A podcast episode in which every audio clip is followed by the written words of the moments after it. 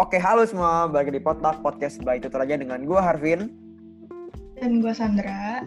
Dan, Halo. waduh, halo semua. Jadi, aduh San, ini kita udah cukup jauh ya San ya. Kayaknya udah masuk Terakhir nih. Iya, ini ini benar-benar penghujung. Habis gini episode 20 itu kita kasih bocoran dikit lah. Yaitu kita bakal uh, sharing lah apa aja yang kita dapat selama satu season ini. Selama 20 episode ini kita ngobrol-ngobrol sama banyak orang hebat. Kita bakal sharing di sana tuh. Betul. to end the season nih, kayaknya kita mau balik ke topik yang hot banget. Jadi, for your information nih guys, salah satu episode yang paling banyak didengar, yang paling banyak di play, itu topiknya adalah yang sama uh, Billy sama Nando, ya. Jadi kalau kalian ingat, itu kita ngomongin tentang saham. Saham one banget, saham dari awal banget nih. Makanya kita hari ini mengundang juga orang yang berkecimpung di dunia saham. Cuman sebelumnya, as usual, saya kasih tahu ke mereka dong, kok kita tutor aja tapi ngomongin saham nih? Oke. Jadi eh, kita buat pot eh, potluck ini karena kita percaya kalau belajar itu nggak cuma dari pelajaran kampus saja dan juga pelajaran sekolah, tapi kita juga bisa belajar dari YouTube, dari baca buku, dari nonton film, dan juga dengerin podcast ini. Jadi di podcast ini kita eh, seperti yang harusnya kalian udah tahu lah ya, kita intinya di sini mengundang orang-orang yang memang ahli di bidangnya dan kita akan ngomongin apa yang yang memang mereka passionate aja di bidangnya itu. Jadi mereka lebih ke sharing-sharing aja di podcast-podcast kita. Jadi kalau dihitung per episode kurang lebih sejam, udah almost 19 jam yang kita ngobrol-ngobrol sama orang yang hebat ya. Wah, luar biasa sih, bener-bener banyak insight banget. Bener, bersyukur banget. Jadi ntar make sure kalian dengar episode terakhir kita karena kita bakal recap banyak banget tuh di sana tentang apa yang kita pelajarin sih selama 20 jam lebih ngobrol sama orang-orang yang keren lah, yang yang inspiratif banget dan of course banyak insight yang didapat. Anyway, Hmm. Em, kayak tadi gue jelasin, saham itu menurut gue sekarang topik yang sangat hot ya, sangat menarik banget bagi banyak anak muda, orang tua juga. Karena banyak yang bilang sekarang adalah golden time, golden opportunity buat kalian masuk ke saham. Nah, kita udah ngobrolin tentang saham nih sebelumnya kan, cuman itu kan apal banget ya bisa dibilang ya, pengenalan banget tentang saham. Sekarang kita mau ngobrolin ke yang lebih deep tentang saham ya, tentang investasi dan pasar modal nih. Jadi gue udah undang dua orang narasumber yang luar biasa banget. Mereka juga bergerak aktif di bidang edukasi di pasar saham. Kita langsung sambut dari Coffee Meet Stock, inilah Theo dan Billy. Halo Theo, halo Bro Billy. Oke, Halo, halo. Harvin. Harvin Halo, dan Sandra.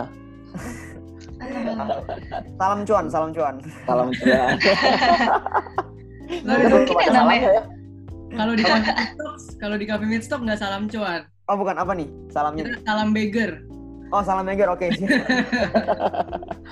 Sandra pasti bingung Beger itu apa? Ntar kita ngomong. Ngerti. Kayaknya gue di episode ini akan kayak, aduh, ini ngomongin apa nih? Gawat sih. Nah, oh ya jadi buat kalian yang sebelum nonton episode ini, gue bener-bener saranin banget nonton episode yang sama yang sebelumnya ya. yang Dengerin sama Billy. episode. Bener. Oh ya dengerin. Biar. Kayaknya yang kayak orang nama Billy ini emang pinter ini kas saham kali ya. Oh iya. Ini beda Billy ya, beda Billy ya. Bener, gue lupa yang Ayo. ini beda Billy sama yang awal lah guys ya. Tapi sama-sama saham. Nah, buat uh, Kak Billy Tan Hadi dan Kak Theo Derek nih, mungkin boleh uh, perkenalkan diri sendiri lah. Mungkin dari Billy boleh. Boleh. Oke, halo teman-teman semua. Ini apa sebenarnya apa nih sahabat potluck atau Sahabat apa? potluck, sahabat Oke. potluck. Halo semua sahabat potluck. Kenalin gue Billy Tan Hadi. Gue adalah uh, founder dari Coffee Meet Stock. Coffee Meet Stock mungkin nanti Theo yang jelasin ya karena dia lebih hebat jelasin daripada gue. Oke, siap. ya. Jadi kalau kalau gue sendiri sekarang kesibukannya eh gue karena corona ini masuk jadi full time investor sih. Jadi gue ada eh, invest di private company juga dan juga di public company. Jadi ya benar-benar udah full time investor lah sekarang. Jadi kerjaan di rumah doang analisa-analisa gitu. Oke. sama ngajar, sama ngajar-ngajar di cafe Sama Besok ngajar, sama oke. teman-teman. Yes. Siap, siap. Billy Tan Hadi full time investor. Yes. Lanjut. Oke, halo sahabat potluck. Nama gue Theo, ya Theo Derek. Itu gue itu founder dari Cafe Midstocks. Nah, tadi kan Billy belum jelasin. Jadi gue jelasin Cafe Midstocks-nya dikit dulu, baru jelasin diri gue, oke? Siap. Nah. Oke.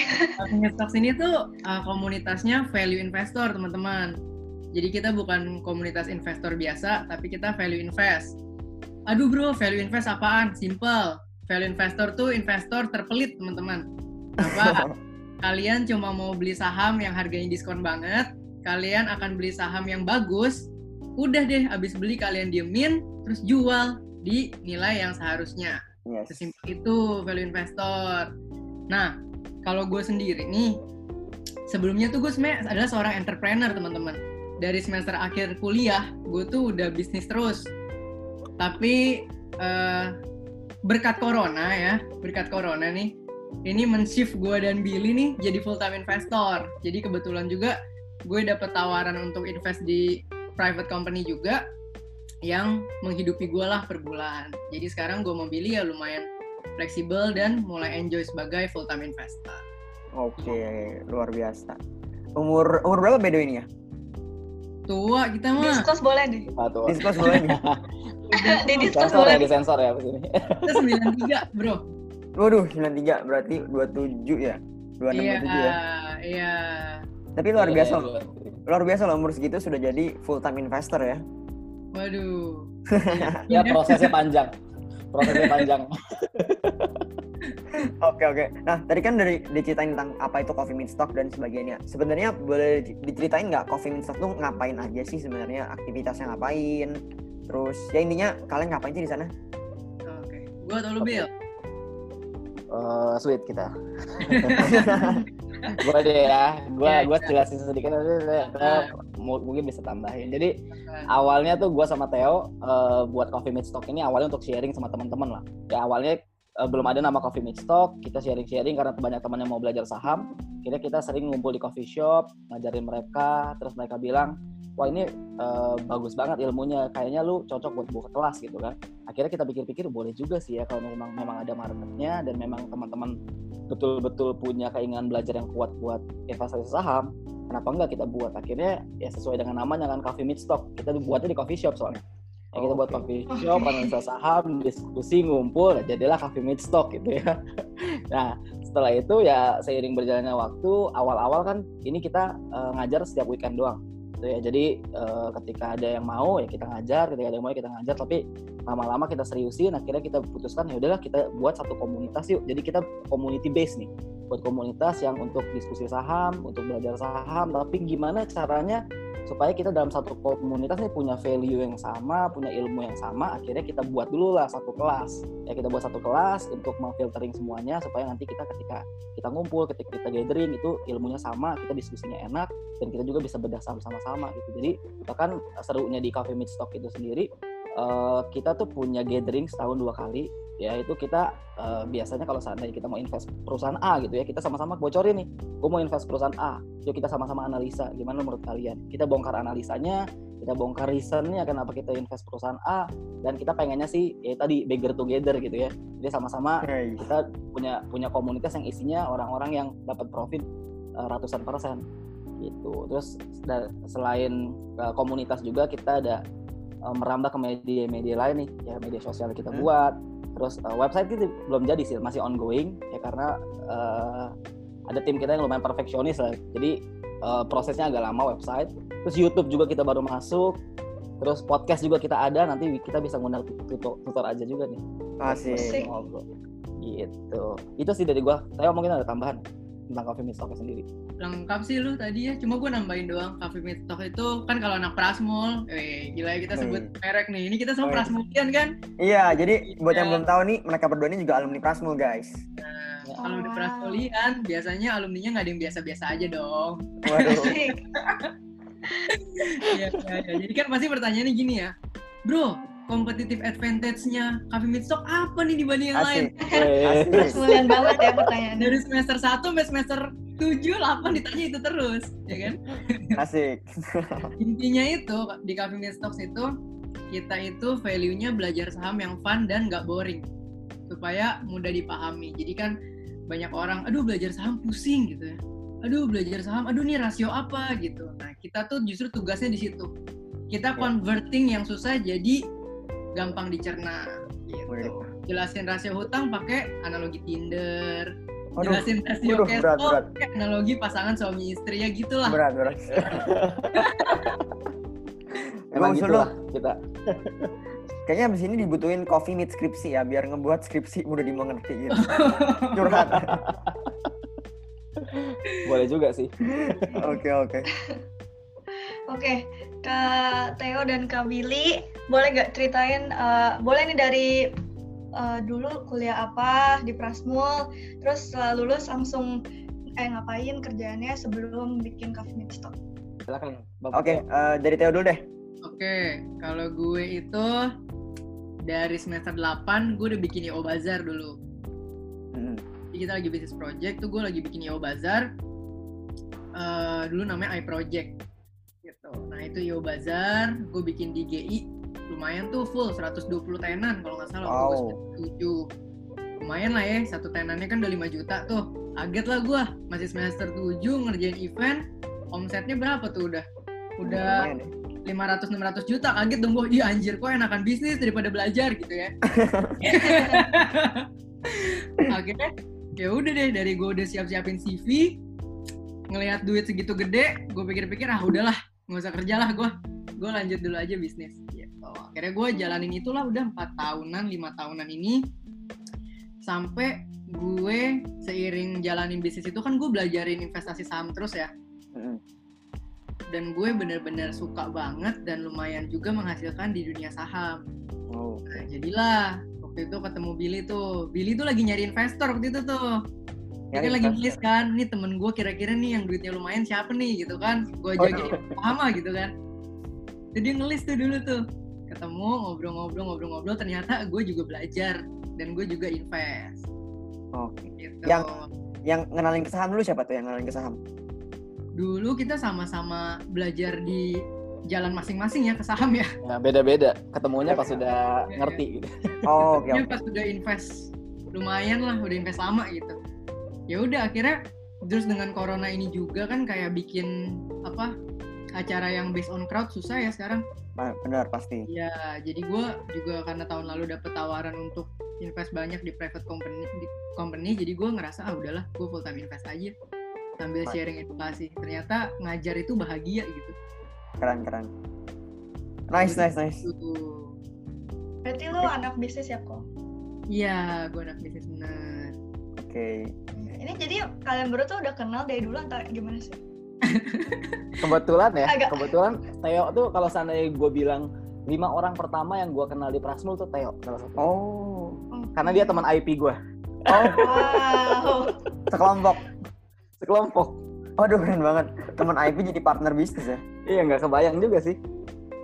oh jadi buat buat yang bukan anak Rasmul nih, IP itu uh, apa sih namanya kalau di kampus lain? Ospek. Mos, mos, ospek. Bukan, mos kan SMA ya? Ospek. Oh, SMA. Ospek. Jadi kawan ospek sampai sekarang masih jadi partner nih, keren keren. kalau uh, Bapak Billy nih? Ya kalau kalau gua dulu, gua juga bingung ya sama Theo kayaknya memang jodoh sih. Gila. Malah gini. Si si Theo kan dia IO, tapi IO bazar ya. Gua pun dari semester 7 itu diajakin sama teman gue untuk buat uh, eh, IO juga. Karena memang di Prasmul gue juga di akhir-akhir itu lumayan aktif. Prasmul lumayan aktif event, terus teman gue lihat, ini teman gue bukan anak Prasmul, dia bikin satu perusahaan event organizer. Nah, terus dia ajak gue langsung buat PT, akhirnya buat handle-handle event tapi bukan event bazar, eventnya lebih ke event corporate gitu ya. Oh. Dulu gue uh, kuliahnya di, di jurusan marketing. Kalau sekarang mungkin branding ya Branding benar. Uh, jadi kita tuh unik nih berdua nggak ada yang jurusan finance. Saya oh. bisnis, okay. gue marketing. Terus ak akhirnya lulus kuliah terjun bisnis. Terjun bisnis uh, sampai sekarang event organizer puji Tuhan masih jalan, tapi harus nge-freeze sementara karena corona kan. Iya. Gitu. Terus uh, ya dari dari situ gue nggak pernah kerja sama orang sih. Jadi uh, selalu bisnis terus gue ada juga bisnis uh, showroom mobil yang sekarang juga lagi nge-freeze juga hmm. bisnis showroom mobil jual beli mobil second ya sekarang kan market lagi ancur-ancuran tuh hmm. nah terus uh, ya kayak gitu sampai sekarang sebetulnya nah kalau untuk mulai investasinya sendiri gue kenal saham tuh di Prasmul bro sis ya di Prasmul oh. zaman gue dulu sama Theo itu ada satu tempat di Prasmul di bawah tuh di gue nggak tahu ya sekarang nama tempatnya apa ya di gedung satu lah itu uh. ada uh, e-pot center. Oh, sekarang masih ada, tapi udah, udah pindah. masih ada. Pindah tempat, oh. pindah tempat. Ya masih ada ya sekarang ya. Nah di dulu di situ e-pot center itu gue sering main ke sana belajar, terus lihat-lihat grafik saham, terus mulai coba-coba trading gitu kan. Oh, okay. Terus ada dulu komunitas finance, ada juga komunitas finance dulu namanya FIS kalau nggak salah. Sampai sekarang masih ada. Gue gue FIS ya. Oh, lu FIS ya. Iya, iya. Gue dulu pertemuan pertama di, dikasih pizza tuh sama Samuel namanya. Oh, Samuel ini. Samuel Samuel ini Samuel yang pokoknya dia dulu udah lumayan oke lah di saham udah lumayan lumayan lumayan lumayan lumayan kece lah tahun 2000, 2011 ya Oh, udah tua. Oke, 2011. nah itu gue gue belajar gue belajar di sana juga jadi uh, thanks to Prasmo sih sebenarnya gue jadi kenal kenal saham awalnya gue berpikir saham tuh judi gitu kan Heeh. sampai Iya, punya common, mindset oh, common. saham tuh beli perusahaan dan lain-lain nah akhirnya eh, ya namanya anak muda ya dulu ya eh, mulai trading terus loss mulai kapok coba lagi gitu-gitu kan sampai gua seiring berjalannya waktu gua ketemu mindset dan pola yang benar. Di dalam investasi di, di dalam saham kan ada banyak tuh ada, ada banyak tipe kan. Akhirnya gua Mm. mulai eh, baca-baca banyak buku. Ya, se- sehubung gua kan anak marketing jadi gua nggak terlalu dalam main finance. Ya. tapi gue belajar ya banyak buku di Gramedia gue cari di mana-mana. Terus gue ikut workshop workshop juga saham mulai invest ya kan? Dari dari bisnis mulai invest lumayan besar kan? Mm. Ya, karena kalau misalkan uang kita semakin besar di dalam pasar pasar saham kita harus lebih mengerti. Benar. itu eh, by nature aja sih sebenarnya uang lu ada di mana lu harus lo harus, lo harus lebih ngerti di situ kan? Benar. akhirnya makin banyak uang yang gue invest ya gue makin ngerti. Terus mulai banyak sekitar sekitar gue yang uh, mulai invest sama gue gitu nitip ibaratnya mulai dari kerabat kerabat eh, dari orang tua terus uh, teman-teman ortu gitu mulai ada yang nitip lah dikit dikit gitu makanya waktu itu waktu itu gue list nama-nama investor kira-kira siapa sih teman gue yang punya duit terus gue mau jelasin nih saham tuh bisa menghasilkan ini loh salah satunya Theo eh, Waduh. dia nggak dia nggak mau dia mau invest sendiri katanya gitu sih singkat ceritanya Oke, oke, oke. Ya. Menarik ya. Jadi kita udah tahu nih latar belakang mereka berdua ya, eh, kenapa mereka bisa masuk saham dan sebagiannya. Jadi kita bakal sekarang masuk ke yang lebih ngupas tentang saham nih ya guys. Udah siap nih ya? Eh, Eh, pertanyaan pertama nih. pertanyaan pertama, kan kita tahu nih saham itu banyak agamanya ya bisa bilang ya. Ada eh, yang percaya trading, ada yang percaya dividen, ada yang percaya growth stock, ada yang percaya Ya. value investing. Kalian coba eh, ceritain kenapa kalian akhirnya milih value investing sebagai eh, dasar investasi kalian. Oke, siapa nih? Eh, boleh dari mungkin Bro Billy dulu. Gue ya. Kenapa value investing ya? Tadi kan si uh, Arvin udah jelasin juga tuh ada ada banyak sebenarnya tipikal investor di pasar modal gitu ya. Bahkan ada ada yang trade, ada yang trader juga. Iya. Nah, eh, sebetulnya gue udah udah mencicipi juga jadi trader trader gitu ya. Apakah salah jadi trader? Sebenarnya nggak juga. Ya, tergantung motivasi dan tujuan kita gitu ya. Kalau sana trader kan aktif income ya. Lo harus Iya. trading tiap hari, jual beli tiap Iya. hari gitu kan. Technical menurut gua eh, tidak semudah itu ngebaca grafiknya. Dan kalau gua tipikal orang yang eh, suka dengan passive income gitu. Dan eh, nggak suka juga dengan passive income yang agak lama. Hmm. ya kalau misalnya eh, passive income kan diidentiknya oh dividen investor gitu kan. Kita lihat lihat eh, dividen stock yang menghasilkan dividen besar. Atau misalkan kita lihat yang eh, perusahaan yang tipikal growth gitu yang growthnya tinggi kayak perusahaan blue chip tapi menghasilkan eh, apa growthnya agak lama nih jangka panjang banget. Iya. untuk kita dapetin itu. Terus gue cari-cari gue belajar juga nah ketemulah satu eh, metode yang namanya value investing. Nah, value investing kan sebetulnya kita investasi dalam jangka waktu menengah sampai panjang. Sebetulnya bukan waktu yang jadi patokan kita. Sebetulnya kita cari perusahaan-perusahaan yang sedang terdiskon yang lumayan dalam diskonnya gitu ya. Sehingga kita bisa mem- memaksimalkan profit dari eh, capital gain gitu ya. Jadi kita gue coba belajar tentang harga normal gitu kan terus eh, margin of safety akhirnya ternyata pakai metode value investing untuk puluhan sampai ratusan persen itu sangat possible dan dalam jangka waktu yang relatif tidak lama. Hmm. nah kan gitu. Jadi gue pikir oh, why not? Kenapa nggak kenapa nggak terjun? Jadi eh, empat lima tahun terakhir ini gue betul-betul fokus eh, pakai metode value investing. Oke. gitu. Karena ya itu eh, jangka waktu investasi nggak nggak gitu panjang. Terus yang kedua ya marginnya besar. Alright. Jadi Gitu. gue jadi keinget kata-kata Billy Be- beda Billy ya Billy Latif kemarin waktu episode episode sebelumnya dia jelasin value investing itu eh, ada analogi yang yang lucu nih dia bilang anggap aja lu ditawarin BMW seharga 50 juta sama ditawarin iPhone 50 juta buat lu 50 juta buat iPhone mahal tapi buat BMW 50 juta tuh murah jadi value investing tuh kayak gitu ya guys kalian Ya. beli saat orang-orang tuh salah harga di sebuah saham Mhm. Nah, Nah. mungkin Theo juga punya analogi yang unik tuh tentang iya mungkin mungkin eh, katanya nih mau nambahin nih. Mirip-mirip lah ya. Mirip-mirip lah namanya. Gue nambahin doang soalnya tadi Billy kan udah ceritain jelas ya. Ya kenapa pilih value investing itu eh, semua nggak semua nggak munak lah ya. Semua mulai investasi itu awalnya biasanya jalur pertamanya trader. Hmm. pasti. Soalnya biasa untung 3% kaget. 5%, 7%, 10% kayak ih gila gue bisa nih ternyata gitu loh 10% gitu kan. Tapi eh, balik lagi beda tujuan ya. Lu mau aktif income atau lu mau passive income.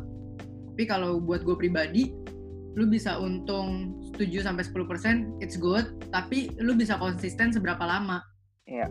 Dibandingkan dengan yang tadi udah dikasih tuh analoginya. Value investing adalah beli saham yang harganya salah.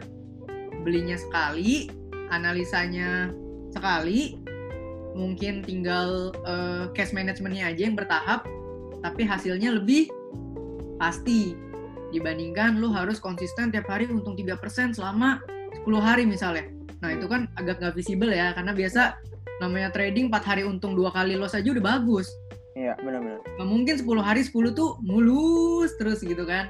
Nah Hmm. kalau gue orangnya lebih suka yang yang lebih pasti, lebih besar marginnya dan resiko lebih kecil terus gak ribet ya. Jadi ya udah deh nyaman di value invest. Benar-benar. Gitu. Nah, buat excite pendengar kita nih ya, karena biasa kan mereka mikir ah iyalah apa ngomong gampang lah. Nah kita butuh contoh nyata nih, Bro Bian Teo. Contoh nyatanya nih. Boleh diceritain nggak kira-kira pengalaman eh, profitnya? Kayak misalnya beli saham apa dulu di, di tahun berapa, Oh, tahan berapa lama, terus untung berapa persen gitu. Ada yang bisa di-share nggak tuh?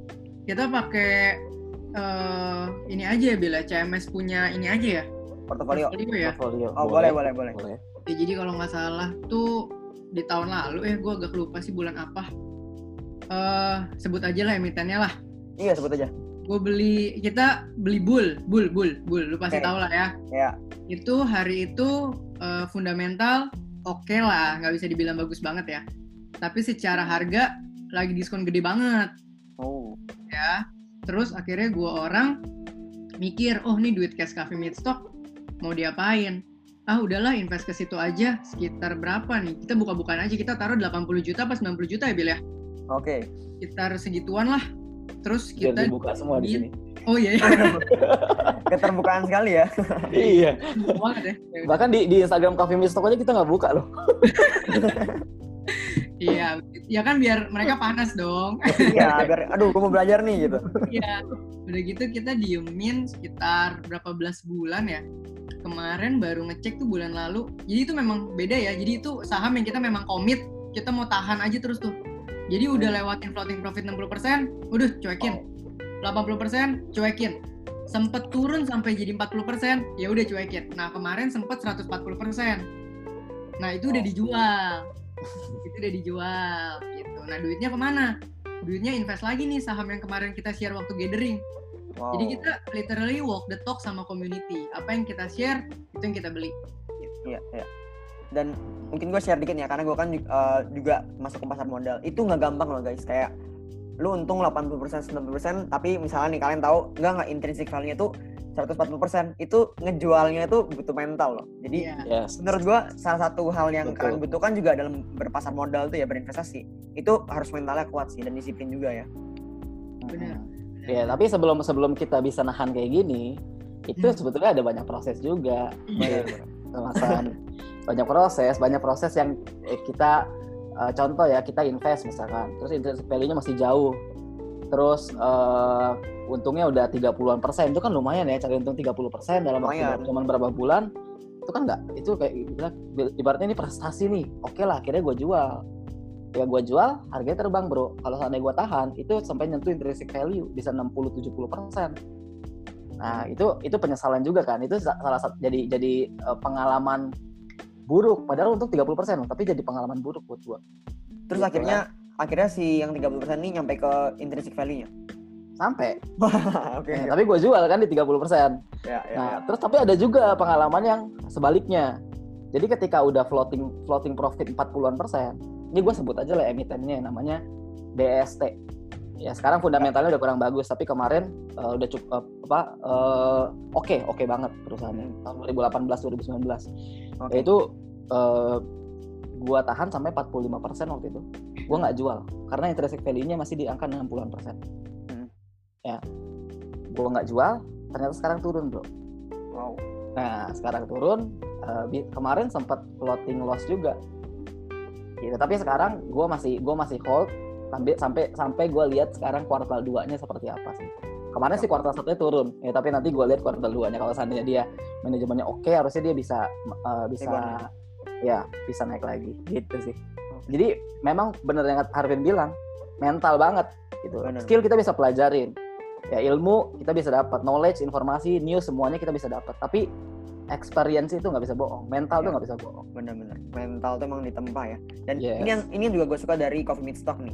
Em, karena gue sering lihat iklan bukan iklan ya, promosi lah bisa bilang promosi edukasi edukasi saham atau orang saham yang seakan-akan mereka tuh nggak pernah rugi. Dan seakan-akan kalau lu ikut gue itu udah kayak dijamin profit. Padahal em, maksudnya itu mereka nggak nunjukin pengalaman-pengalaman buruk di sahamnya. Mereka em, menurut gue tuh emang orang harus tahu bahwa saham itu not always eh, easy ya.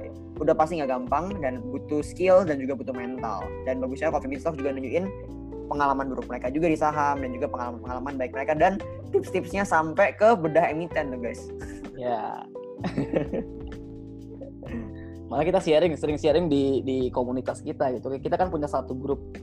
Eh, tujuannya adalah supaya eh, mental mereka juga kebentuk gitu. jadi men- bukan mental mereka doang mental kita sama-sama kebentuk gitu. Ya, jadi kalau bisa cerita pengalaman gue bisa cerita pengalaman. Ada salah satu co-founder kita namanya Ben juga bisa cerita pengalaman. Jadi mereka nggak- ketika market crash gitu atau market turun jauh mereka nggak panik-panik amat Yes. bertumbuh bersama ya bertemu bersama kan beggar together kan beggar together siap Kita kita memang lagi ini sih, lagi dalam goals mau bikin buku memang. oh Bukunya itu Keren. adalah isinya ada isinya kesuksesan komunitas kita. Jadi kita pengen tulis cerita di mana bukan kita yang beggar, tapi one day komunitas kita yang bisa beggar atau mungkin beggar itu kalau Sandra belum familiar itu maksudnya kalau dapat profit 100% lah ya. oh ya Itu kita Terima kasih ya. Iya, kita sampai bikinin galerinya. Kayak kemarin ada anak CMS yang beggar lagi, nah itu kita masukin tuh ke galerinya. Nah nanti kita pengen bikin kisahnya untuk jadi bukunya. gila keren banget ya jadi emang biasanya tuh kalau orang bikin buku tentang saham tuh ya tentang mereka ya ini gue baru denger nih keren keren keren Goals kita sih begitu. Kayak tadi kelihatan ya muka gue agak bingung gitu. iya, iya. Kayak nggak- nggak ngerti gitu. Iya. Oke. eh, jadi kan kemarin pas kita undang eh, Billy Latif dan eh, Kanando, itu kan mereka jelasin ke kita gimana cara eh, mereka screen eh, stok mereka. Jadi mereka itu menggunakan mereka eh, jelasin mungkin mereka pakainya agak ribet ya, tapi dia jelasin yang mudahnya. Ada P- PBV, ada eh, price earning R. ratio, ada ROA dan DER. Nah kalau kalian gimana nih Pak eh, cara screen ratio, eh, screen stoknya? jadi oh mungkin gue tambahin dikit ya kemarin emang kita minta Billy sama Nando kasih Mm-mm. cara tersimpel deh buat yang baru denger nih Yes. supaya mereka nggak takut kan langsung dikasih ini tuh ini tuh nah sekarang boleh deh agak ditakut-takutin nih pendengar kita Oh. Jadi eh, maksudnya gimana cara screening? Tapi yes benar ibaratnya Hmm. kalau kemarin cara paling simpelnya ini Mm-mm. tambahin dikit gitu ya. boleh nih yang lebih berat nih Yes. kalian eh, gimana rasio apa aja sih yang dipakai dan sebagiannya kalau kita gue jelasin dikit kali ya Bil ya nanti Boleh. tanggal tahun ya jadi kalau kita khusus tahun ini khusus tahun ini itu kita lebih concern sebenarnya ke eh, current dan cash rasionya Mm-mm.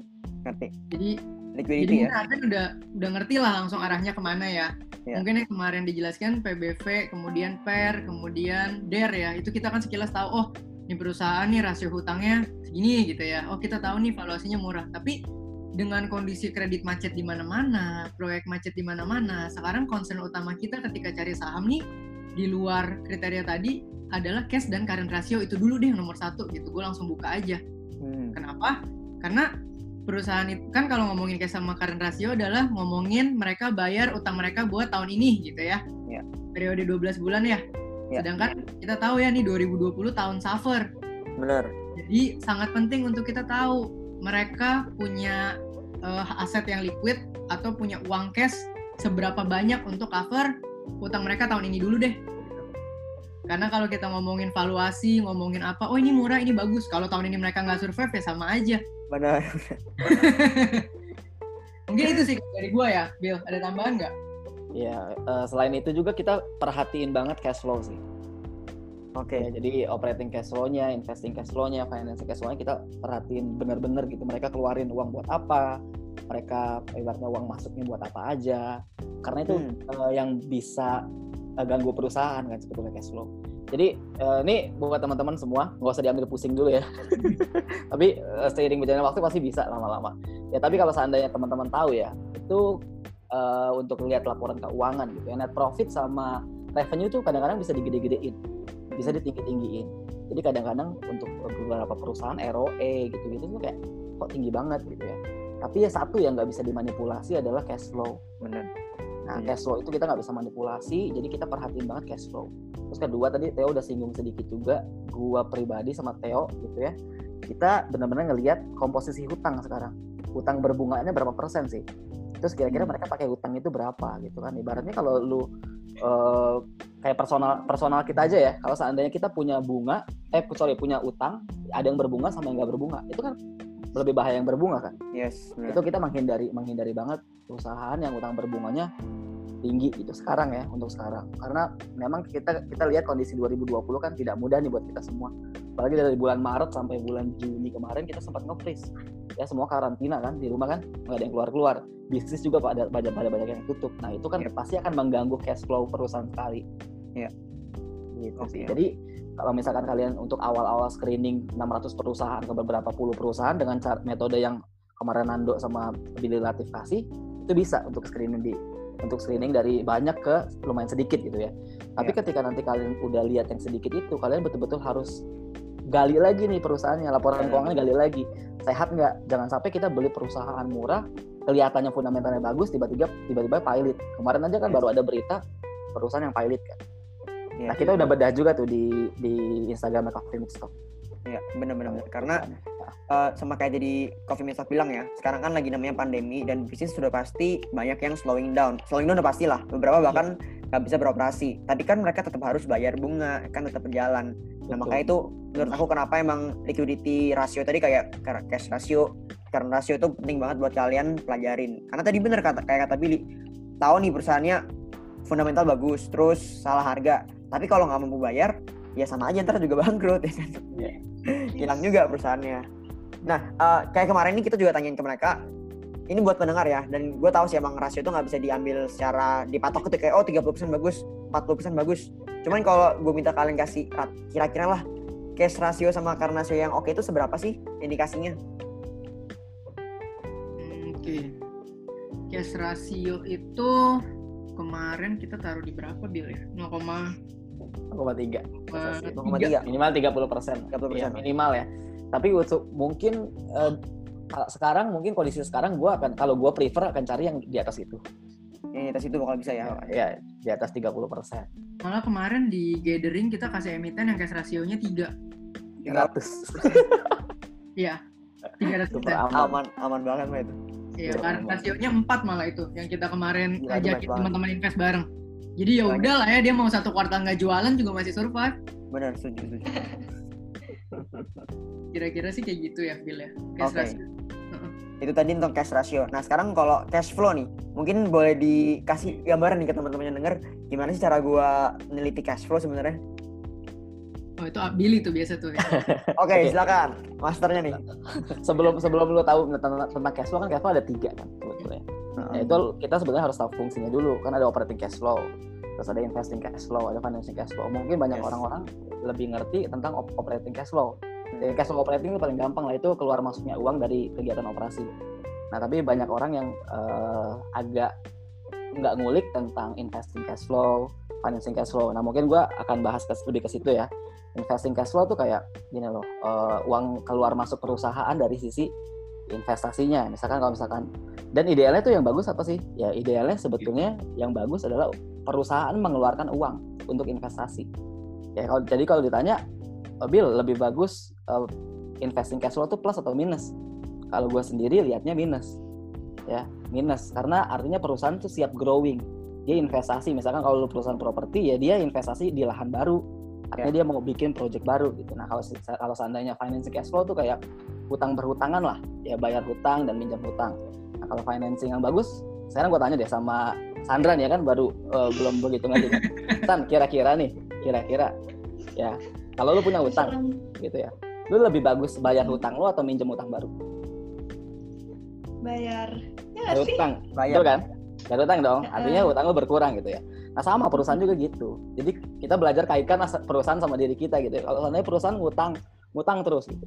Nah, itu indi- ada indikasi nggak bagus. Tapi kalau seandainya perusahaannya eh, bayar hutang, rutin bayar hutang, nah itu eh, bagus banget.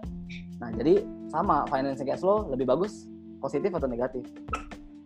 Yang, yang negatif, artinya dia bayar hutangnya. Benar. Lebih banyak bayar hutang daripada minjem hutang. Jadi kalau seandainya di dibilang kondisi ideal nih, kalau gue selalu bilangnya plus min min gitu ya. Diurutin aja operating cash flow, investing cash flow, financing cash flow. Jadi operat operatingnya plus, investingnya min, financingnya min. Jadi paling gampangnya itu, itu kondisi ideal ya plus min min. Tapi bukan berarti kalau seandainya investing cash flow-nya positif gitu. ya. Kita harus lihat dulu komposisi investing cash flow-nya itu ada apa aja. Kalau Yes. seandainya itu bagus buat perusahaan ya oke gitu. Tapi kalau idealnya adalah plus min. Itu kondisi yang paling bagus, paling ideal lah maksud. Oke, thank you. Jadi um, tips yang bagus banget buat kalian ya. Ini dua dua hal yang kayaknya uh, jarang yang orang perhatiin. Yang pertama itu adalah liquidity-nya, tadi cash ratio, current ratio. Itu apa berapa sih kak? Uh, cari di internet ada harusnya rumusnya. ya kan?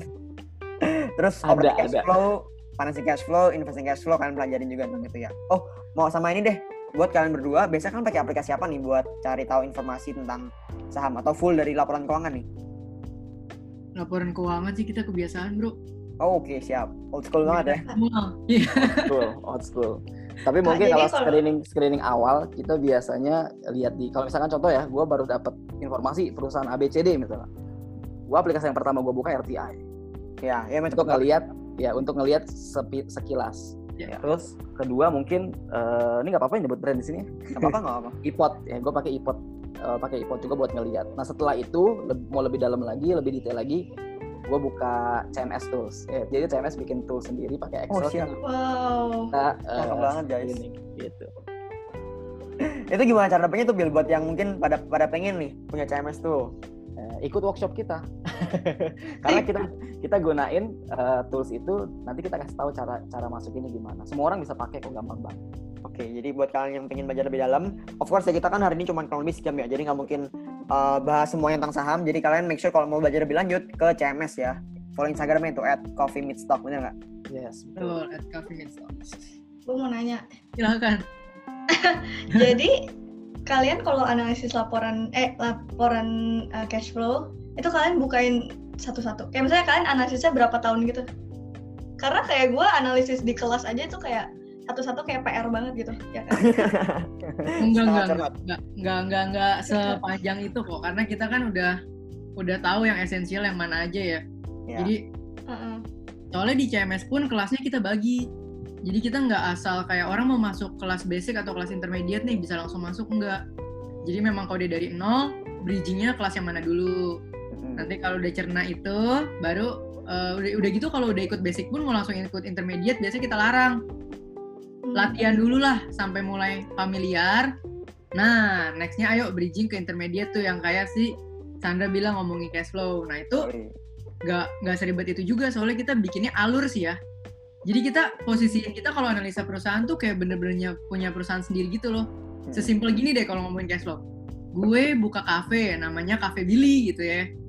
Oh, setahun ini abis gue jualan kopi, makanan di cafe itu, ternyata gue dapat uang cash plus atau positif 100 juta gitu ya.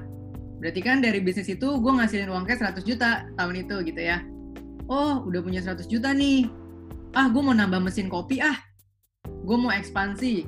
Nah, itu kan sama tuh logikanya. Berarti investing cash flow kita minus.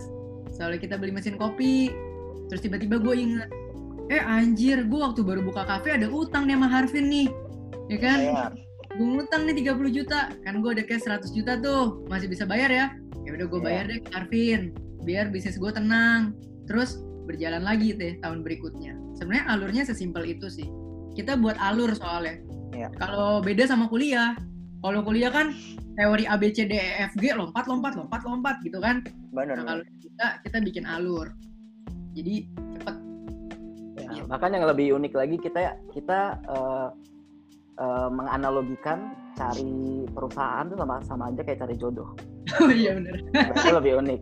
Jadi kelas basic value investing kita itu kita sering bilang ini proses kita mencari pacar, Ya. gitu ya. Nah kelas intermediate itu proses kita cari istri Waduh, Eh, jadi lebih dalam kan lu cari pacar sama cari istri kan beda kan beda dong. Wo. Beda. tapi nggak mungkin tiba-tiba lu lu nikahin itu orang tanpa lu pacaran dulu bener nggak Iya. Benar benar benar. jadi ibaratnya gitu lah step by step bro Ya, yang nor- yang normal gitu ya. Yang normal. yang normal gitu malah kalau misalkan ngomongin kemarin yang kayak metode Billy sama Nando pakai yang pakai dare gitu ya eh, melihat kesehatan perusahaan kita sering analogikan dengan ya itu tadi metode Tinder tadi tuh Apa gimana tuh? Coba coba, gue penasaran nih Tinder nih. nah Teo yang jago nih Teo yang jago Gimana gimana? Analoginya gimana teh? Penasaran nih gue. Gue buka dikit deh ya. Sesimpel misalnya jelasin dare. Sandra tahu dare gak tuh? Tahu, aku tahu. anak akuntansi. Oh iya, Oke. Jadi, mantap ya. Aku Kan analisis laporan keuangan. Oke. Oh, mantap mantap. Dari itu kan ini ya, bandingin jumlah utang sama eh, duit yang dia punya. Modal. Gitu ya. Mm-mm. Biasa gue isengnya gini doang, gue bilang, bro bayangin nih, kita lagi di Tinder nih, ya. Cewek nih, cakep banget ya, bodinya seksi abis gitu. Kelakuannya soleha gitu ya. Terus udah deket banget nih, besok mau nembak. Eh, malam ini dia cerita, Beb, aku mau jujur deh. Kenapa? Aku punya utang 300 juta. Anjir, jadi cowok kan pertama kali denger kayak, wah gila utang Wadaw. 300 juta. Tapi gengsi lah ya, namanya cowok harus stay cool kan. Terus pertanyaan rasional yang pertama kali kita tanya apa? Pasti kita nanya dong, emang duit kamu ada berapa beb? Ya dong, dia kan kasih Iya. utangnya. Jadi kita nanya emang duit kamu ada berapa beb?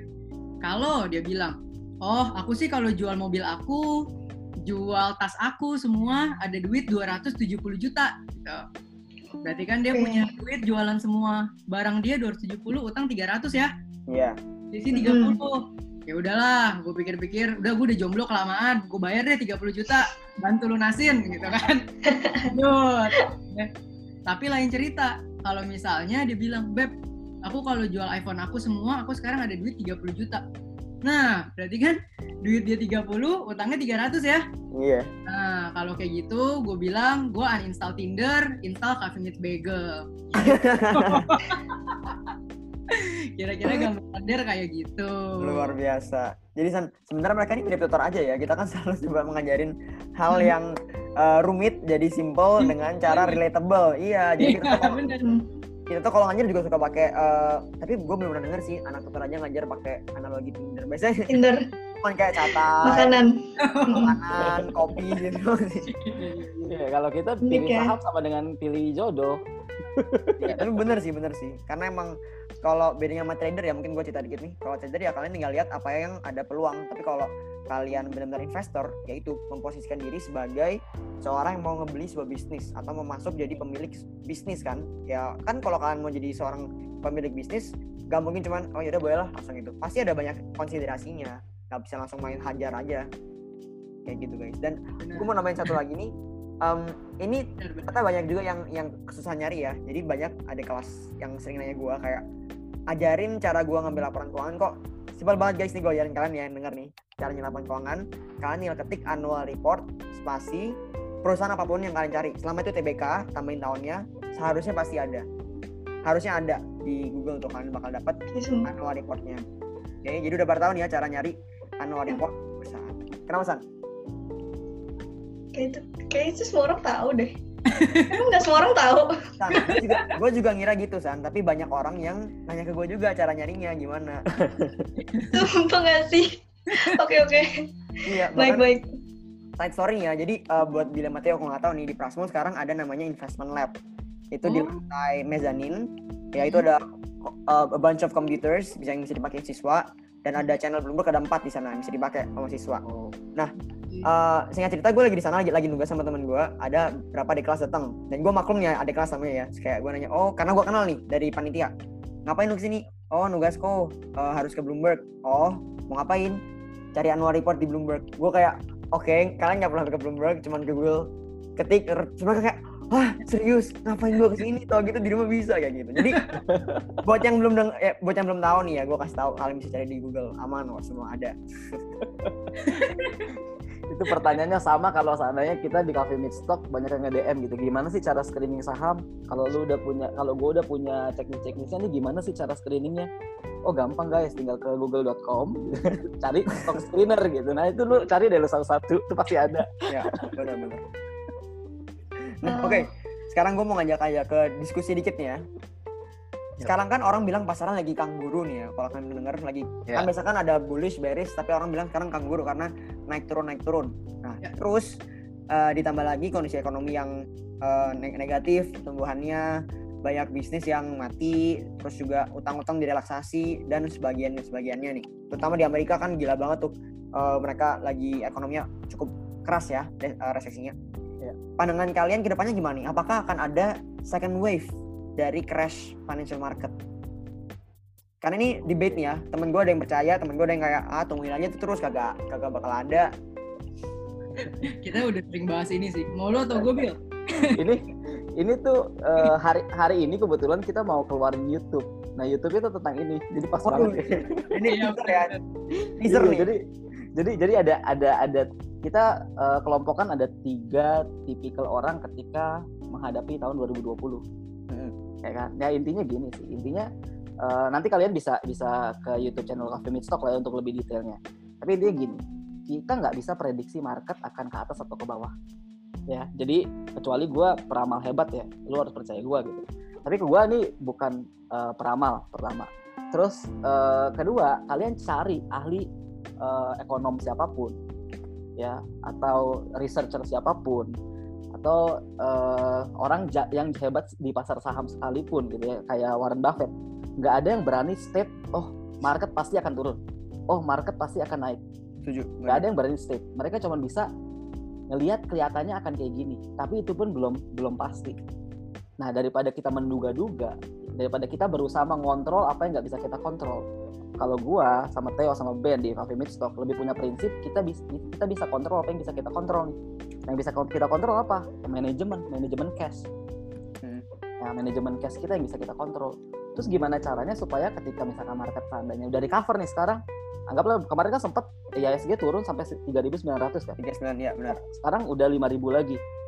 Ya kan banyak orang takut nih, aduh jangan-jangan gue udah kehilangan momen, FOMO, FOMO kan. Benar. Takut nih, jangan-jangan ini udah recover. Nanti abis ini 5.000, besok 6.000, besok lagi 7.000 gitu kan. Ah, gue udah ketinggalan momen. Tinggalin kereta ya. Ya, gimana caranya supaya kita nggak ketinggalan kereta pertama. Kedua juga ketika nanti market crash, kita nggak kehabisan cash. Mm. Jadi ketika ketika market naik kita untung, ketika market turun kita untung. Yang salah satu yang kita lakukan adalah manage cash. Oke. Gitu. Nah untuk proporsinya sendiri gimana teh? Mau dibongkar teh? Waduh. Bongkar ya nanti di YouTube juga kita bongkar. Jadi tujuannya kan share share edukasi juga. Yoi. ya supaya teman-teman Heeh, nggak ya nggak nggak ketinggalan juga gitu kan nggak maksudnya ketika naik nggak nyesel ketika turun pun eh, nggak nyesel gitu paling manajemen cash aja kita bagi kalau gua Theo dan Ben di Coffee Mate Stock sih kita sekarang saat ini kondisinya udah ada 45% di saham Oke. Ya sisanya 55% masih bentuk cash. Oh, gitu. oke, jadi kita nggak nggak nggak nggak worry lah dengan dengan market akan naik atau market akan turun. Karena kalau seandainya market turun kita masih bisa guyur dengan 55% cash yang kita, yang kita punya. Kalau seandainya market naik pun nggak ada masalah. Kan sebetulnya kita eh, belinya ketika di eh, bawah di bawah harga pasar kan. Di margin of safety yang sekarang tidak cukup tinggi gitu. Jadi average up juga nggak salah kok. Selama harganya masih terdiskon dan ini pot ini sahamnya potensi nyen- nyentuh intrinsic value atau harga wajarnya itu malah masih da- tetap bisa dapat untung puluhan sampai ratusan persen bahkan ratusan persen pasti bisa Wow. dengan kondisi sekarang gitu. Tapi Teo udah tambahan Teo Iya, Simpelnya doang sih kalau kondisi kayak gini pertama reserve cash ya tadi. Yang kedua cari saham yang eh, bagus, murah, cash flow-nya kuat dan margin of safety-nya di atas 50% sih. Oke. Itu aja. Jadi kalau misalnya besok market down guys, wah bagus belanja. Senang, iya, iya. Asik. Discount times. 55% gitu kan. Kalau besok wah ternyata kagak jatuh-jatuh lagi di cover. Oh ya udah orang margin of safety-nya masih banyak.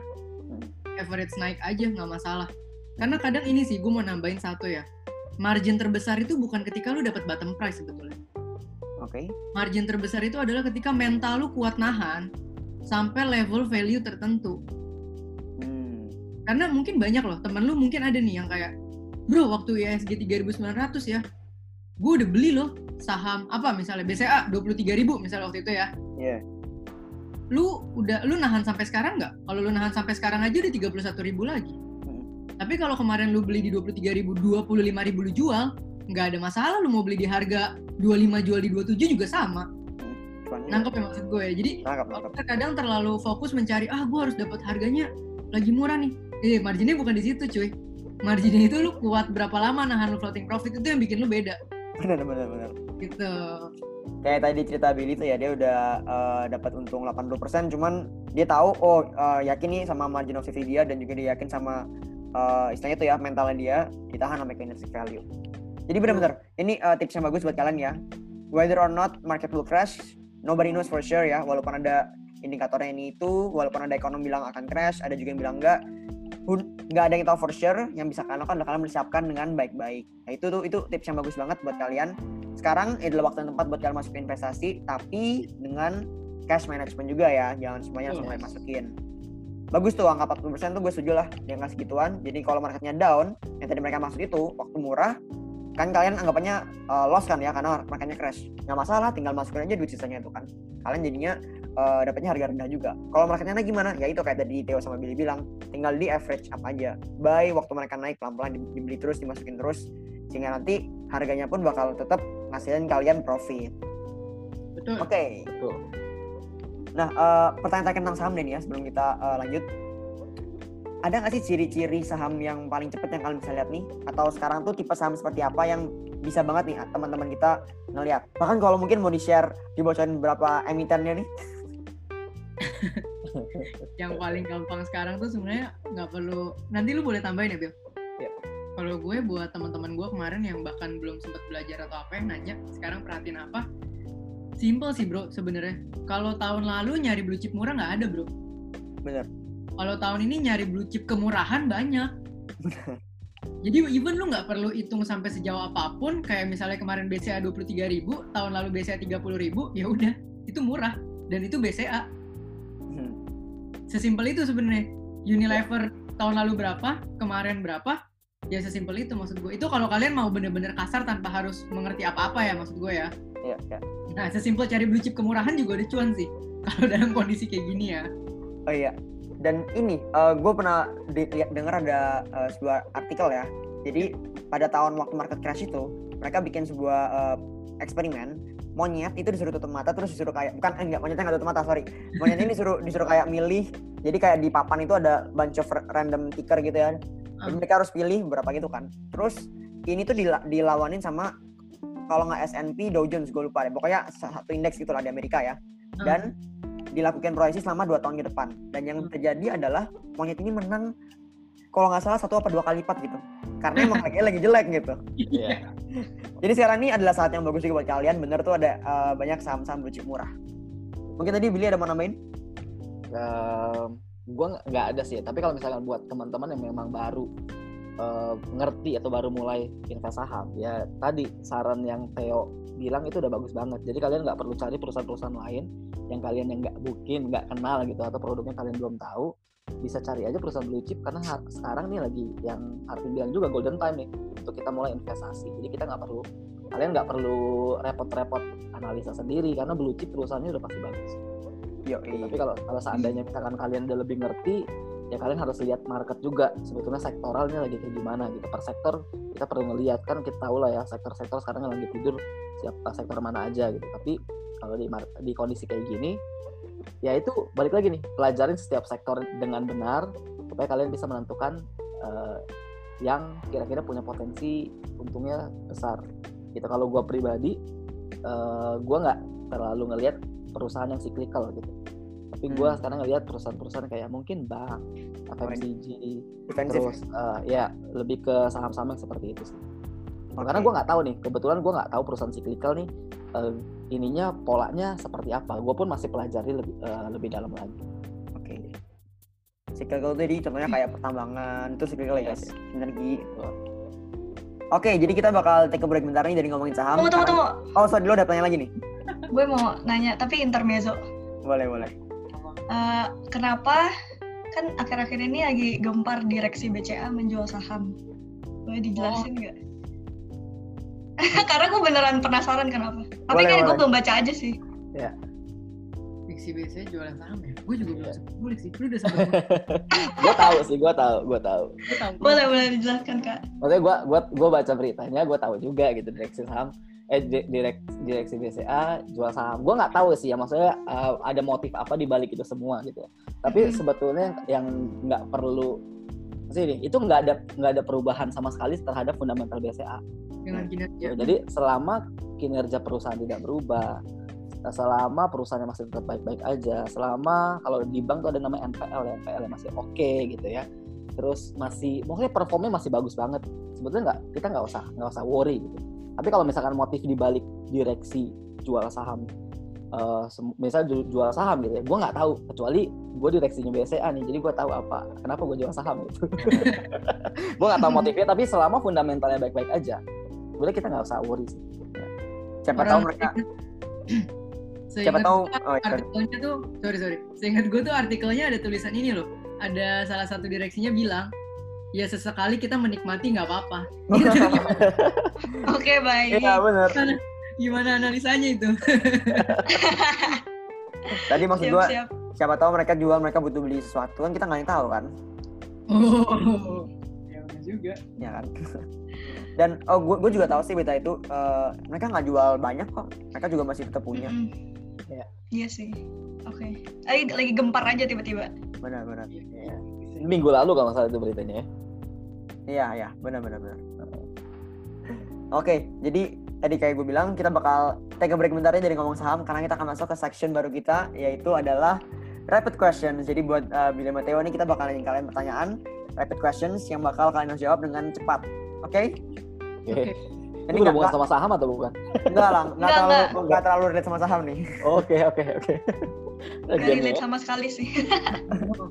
Bisa lah dilihatin. Oke, pertanyaan pertama. Who do you admire the most? Warren Buffett Warren Peter Buffett. Lynch. Siapa siapa tadi? Peter Lynch. Peter Lynch. Oke. Tadi gue bilang padahal gak berhubungan sama saham ya, tapi ternyata masih Iya, berhubungan.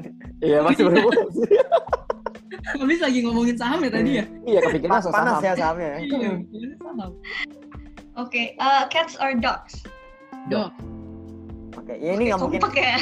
ini nggak mungkin berhubungan sama saham kan soalnya. Oh, mungkin. nggak mungkin mungkin Um, what is your dream job, Theo? Full time investor anjir Aduh. Sama. Sama dong. Oke. Sama. refleks Uh, describe yourself in three words. Boleh Kak Teo dulu. eh, eh, energik kreatif well planned Oke, my- cakep. Oke. Gue ya. I'm a risk taker. Tiga word kan? Kok gitu? Kok jadi Jadi loophole, agak loophole ya. Ya kan? Oke. Ya I- oke I- saya terima deh. Oke baik-baik. Oke, eh, kalau boleh pergi ke mana aja sekarang di liburan destination dreamnya apa nih? Bali Bali. Oh, gue di Bali. Oh di Bali? Yo, Alvin lagi di Bali loh. Oh. Aduh. asik banget Karena rumah gue di sini guys, bukan liburan ya. oh Pada bengong kayak. I Oh. see, I see. oke oke Gue ya? Oh. Gue gak mau. Gue gak ada kayaknya. Mungkin gue pengen ke Sumba sih, gue karena belum belum ke Sumba, kayaknya bagus banget. Iya, dari gambar Iya. Ya. Tuh. dan Sumba. Oke, eh, kalau ada Jin yang kasih kalian three wishes right now, what would you wish for? Siapa dulu? Kayak di Aladdin gitu. lu lah lu Bill Oh, gue. Mikir dulu ya kak.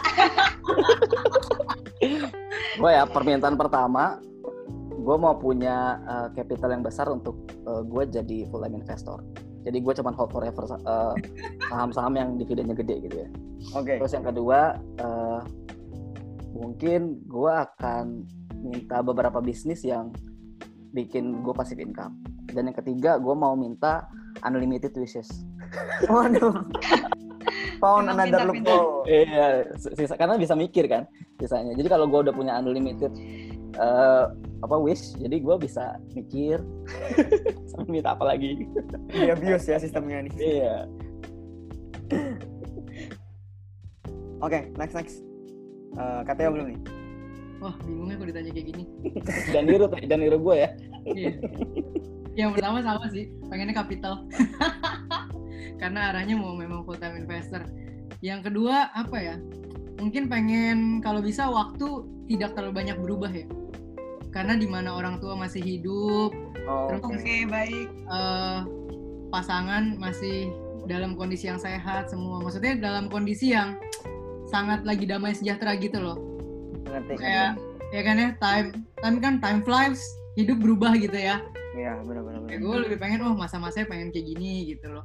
Yang terakhir sih gue pengen semua orang yang gue kenal sehat sih. Gue tuh orang yang takut banget lihat orang sakit dan gue sendiri takut sakit.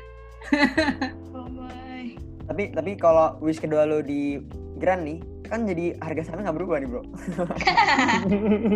Apa? kan harga, Harga harga saham sahamnya jadi nggak berubah bro, nggak ada waktunya. Oh iya juga. ya. iya juga. Aduh. Oke, next question. Favorite quotes? Fix saham lagi nih. The best investment is invest to yourself. Warren Buffett Luar biasa. Warren Buffett ya, Buffett. Buffett ya. Gue lagi mikir enggak sih gue gue ada satu quotes tapi gue lupa ini siapa siapa yang bikin quotes ini tapi gue suka banget dan ini eh, jadi breakthrough buat gue lah Ya, dan nama quotesnya gini do what you fear watch it disappear Coba-coba diulang. Do what do what you Do fear what you fear. watch it disappear Oh. Oh, watch keren, it keren. disappear. Keren, keren, Oh, keren. wow. keren ya Jadi kalau lo Oh, takut keren. sesuatu just do it lah udah Hilang ntar bener-bener. udah hilang iya, iya, iya. Keren, keren. Kayaknya gue yang ngomong deh Bill itu kalau oh gila ya Oh, itu by, by Theo Derek tuh berarti ya. kayak Theo Derek Aduh. Oke, sekarang lagi ngidam makan apa, guys? Anjir. kasih padang gua Fitting. Kasih Kok parang kepiting? Ya, kepiting. Oke. Oke, ini pertanyaan terakhir kali ya dari uh, rapid question nih. Uh, favorite books? Atau Deals book of yang Warren Buffett. Oke. Wah. Ini emang Dia Pengikut Warren Buffett sekali ya. idolanya Opa Buffett banget ya. Uh, Mm-mm. kalian pasti tahu buku, buku ini sih. Gue suka Blue Ocean Strategy. Oh, gue tahu. Oh ya. Kalau di Prasma wajib itu baca buku itu. Iya masih. Iya. Iya. Emang disuruh baca ya. Oke, jadi guys itu adalah tadi rapid questions dari kita. Um, seru ya. Oke, jadi ini pertanyaan terakhir dari gua nih ya buat buat sesi hari ini. Coba kalian ngasih tips buat para investor-investor muda, terutama mahasiswa nih, kan mereka baru mau mulai di saham kebanyakan atau mungkin masih baru baru banget di saham.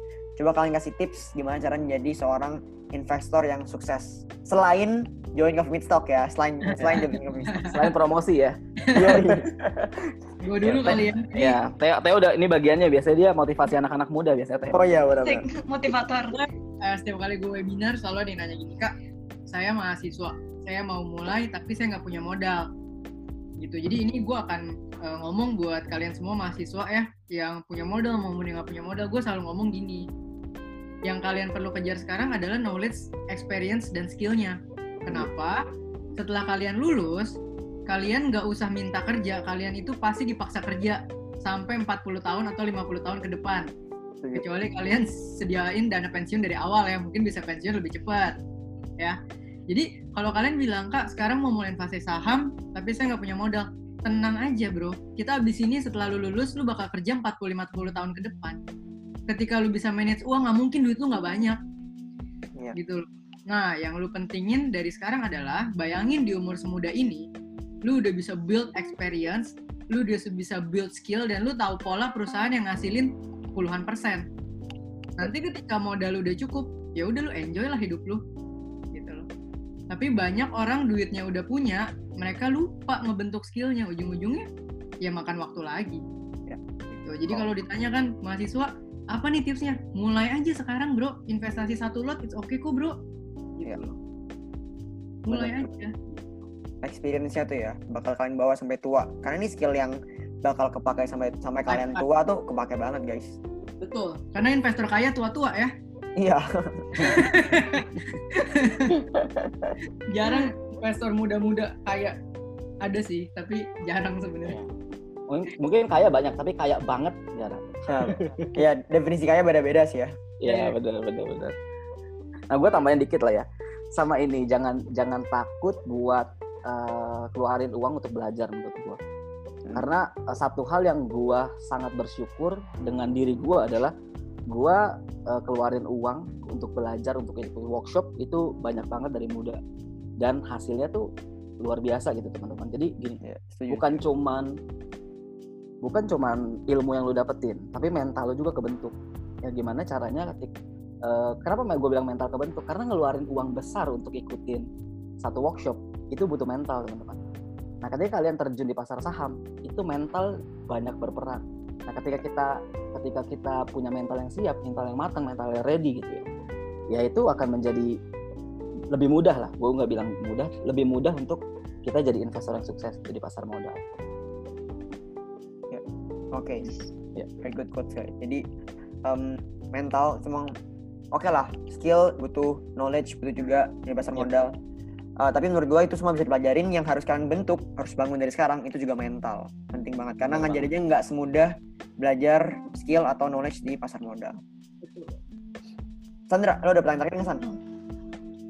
Ah, ah. Atau nggak lo recap nih kalau nggak? Oke oke boleh boleh. yang gue mungkin kalau gue recap bagian sahamnya agak nanti agak misinformasi ya. Jadi di rewind aja kalau mau denger lagi. Eh, yang gue pelajarin hari ini lebih ke jadi kan eh, back, backgroundnya Kak Theo dan Kak Bill ini kan bukan anak finance guys. Dan juga bukan anak akuntansi ataupun yang mempelajari laporan keuangan. Jadi sebenarnya eh, apa pun yang kalian eh, niatkan itu sebenarnya bisa bisa di, bisa terwujudkan gitu loh maksudnya. Ngerti gak sih? Ya kan? Ya ya. Ya yang penting kalian mau belajar eh, mulai aja dari sekarang belajar dulu walaupun eh, mungkin modalnya belum ada belajar dulu nggak apa-apa dari sesimpel dari lihat Instagramnya Coffee Beat Stock ya boleh atau YouTube YouTube ya thank you Jadi mulai dipromosi ya sekarang. Oh iya. Iya iya. Ya begitu. Jadi nggak nggak peduli background kalian apa, kalian uh, Ya. bisa belajar apa pun yang kalian tekunin gitu. Setuju banget ya. Dan siapa Ah. tahu nanti kita bisa bikinin acara belajar bu ya buat teman-teman ya. Bro. Iya. benar Iya. Jadi udah, udah ini bukan rahasia lagi ya. Seharusnya waktu podcast podcast ini keluar, seharusnya kita sudah bikin ini nih. Jadi nanti uh, kita bakal kerjasama sih sama, sama Coffee Meet Stock. Tutor aja sama Coffee Meet Stock nih buat kita edukasi anak-anak mahasiswa guys tentang saham. Wow. Jadi kalau hari ini tuh cuma teaser lah guys bisa dibilang walaupun udah cukup dalam ya, tapi cuma teaser nih, belum ada yang benar-benar ngulik banget kan. Misalnya kalau uh, belum ada yang ngopek-ngopek emiten itu kan belum ada nih. Nah, nanti kita bakal bikin kayak gitu tuh yang lebih dalam lagi. Jadi kalau kalian mau ikut, boleh banget. Gimana caranya? Pantengin terus Instagramnya tutor aja atau Coffee Meet Stock. Kalau yang gue pelajarin nih, bener juga kata Sandra, kalian nggak harus anak finance, nggak harus anak akuntansi, bahkan nggak harus anak ekonomi buat masuk ke pasar modal. Orang-orang yang terkenal di saham di Indonesia pun beberapa yang gue tahu juga bukan anak- bukan orang ekonomi aslinya. Yep. Jadi no matter background apa, asal kalian mau belajar itu bisa guys. Jadi kalau gue rekap sedikit tentang saham tadi, em, rasio-rasio tadi kayak PBV, PROA, DER yang kalian pelajarin di awal-awal tuh eh, bagus juga masih bisa tetap dipakai. Tapi kondisi sekarang kalian juga harus lihat beberapa hal lain, terutama liquidity ratio seperti cash ratio, current ratio, dan kalau tadi uh, Billy sama Theo bilang dari CMS um, yang bagus itu sekitar di atas 30%. Tapi again, rasio ini kan nggak bisa berdiri sendiri ya, jadi kan harus teliti lagi nih dibandingin sama relatifnya lah atau dibandingin sama time series, eh, time series lagi dibandingin sama uh, kondisi dia sebelumnya secara historical atau kalian juga bisa lihat dari cara cash flow dia kalian lihat net cash flow-nya gimana, operating cash flow-nya gimana, finance-nya gimana, dan investasinya gimana. Dan terakhir, kalian juga bisa lihat dari debt composition mereka. Kalau mereka punya high interest bearing debt atau hutang yang perlu bayar bunga cukup tinggi, ini kalian harus uh, perhatikan lagi nih, apakah perusahaan ini bisa mampu bayar bunganya, apakah perusahaan ini masih bisa survive. Karena zaman sekarang, kayak tadi dibilang, nggak ada yang tahu pasar bakal crash lagi atau enggak. Nggak ada yang tahu ekonomi bakal pulih dalam berapa lama.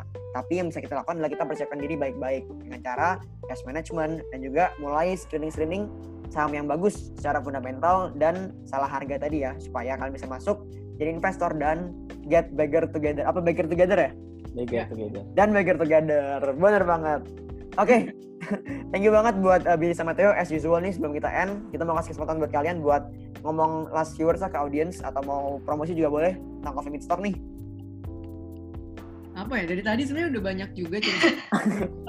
Ya intinya kalau kalian pengen belajar lebih tentang edukasi saham boleh follow Instagram @stocks aja karena di situ ya lengkap lah dan semuanya free content. Jadi ayo kita growing sama-sama. Yes. Ya, dan kalian bisa tanya-tanya juga kok. Ya, ada admin yang siap balas. Wow. Jadi adminnya kalian lagi. Kadang-kadang kalau dibutuhkan. Oke. Jadi udah denger ya kalau mau tahu belajar lebih banyak tentang saham, boleh tuh join komunitasnya. Eh, fun fact, bokap gue sendiri juga join Coffee Meet Stock, abis gue kasih tahu tentang Coffee Meet Stock, dan dia udah ikut Wow. kelas kelas ini ya, kelas intermediate dia udah ikut dia apa, apa belum ya gue lupa. Pokoknya dia udah ikut dua kali tuh kelasnya. Wow. gue baru tahu loh. Oh iya. Iya, karena emang menurut gue sih saham emang sekarang lagi naik banget sih banyak banget yang mau belajar tentang saham. Padahal gue tuh udah ngomong sama bokap gue tentang saham tuh udah dua tahun lebih lah, tapi baru akhir-akhir ini dia mau belajar tentang saham dan jadi ketagihan banget nih. Curhat gue. Oke. Jadi uh, once again thank you buat uh, Dewa sama De- Theo sama Billy dari Coffee Meet Stock.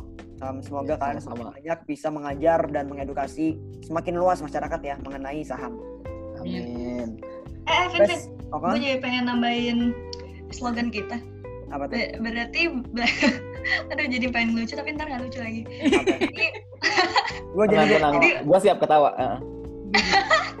maaf ya guys. Jadi kan slogan kita biasanya belajar di mana aja, kapan aja. Heeh. Ya kan? Terus kita bisa, sekarang, aduh jadi gak lucu, jangan, jangan di- kayak ditungguin gitu dah. Lucu. Nah ini lucu nih. Ya. Ya maksud gue kayak, enggak, enggak, bukan. Nggak usah kayak di mana aja, kapan aja, dan umur berapa aja guys. Oh iya benar Ya gitu. ya mungkin kita harus tambahin slogan kita. Di mana aja kapan Sorry, aja sorry, sorry. umur berapa aja. Iya, sorry, sorry. Oke. itu bisa dikomenin orang, woi ngelucu terus. Jokesnya abis ya Desan. Oke deh kalau gitu. Ya udah makasih semua Eh, sampai jumpa di Apa? episode Nanti berikutnya. pada kangen loh makin udah udah selesai. Iya, abis ini seasonnya habis kangen deh sama Sandra. Iya. Oke. Makanya jangan lupa ya guys nanti eh, denger episode terakhir kita karena kita bakal recap semuanya. Oke, jadi eh, see you guys on the next episode. Bye bye. Bye bye. Bye.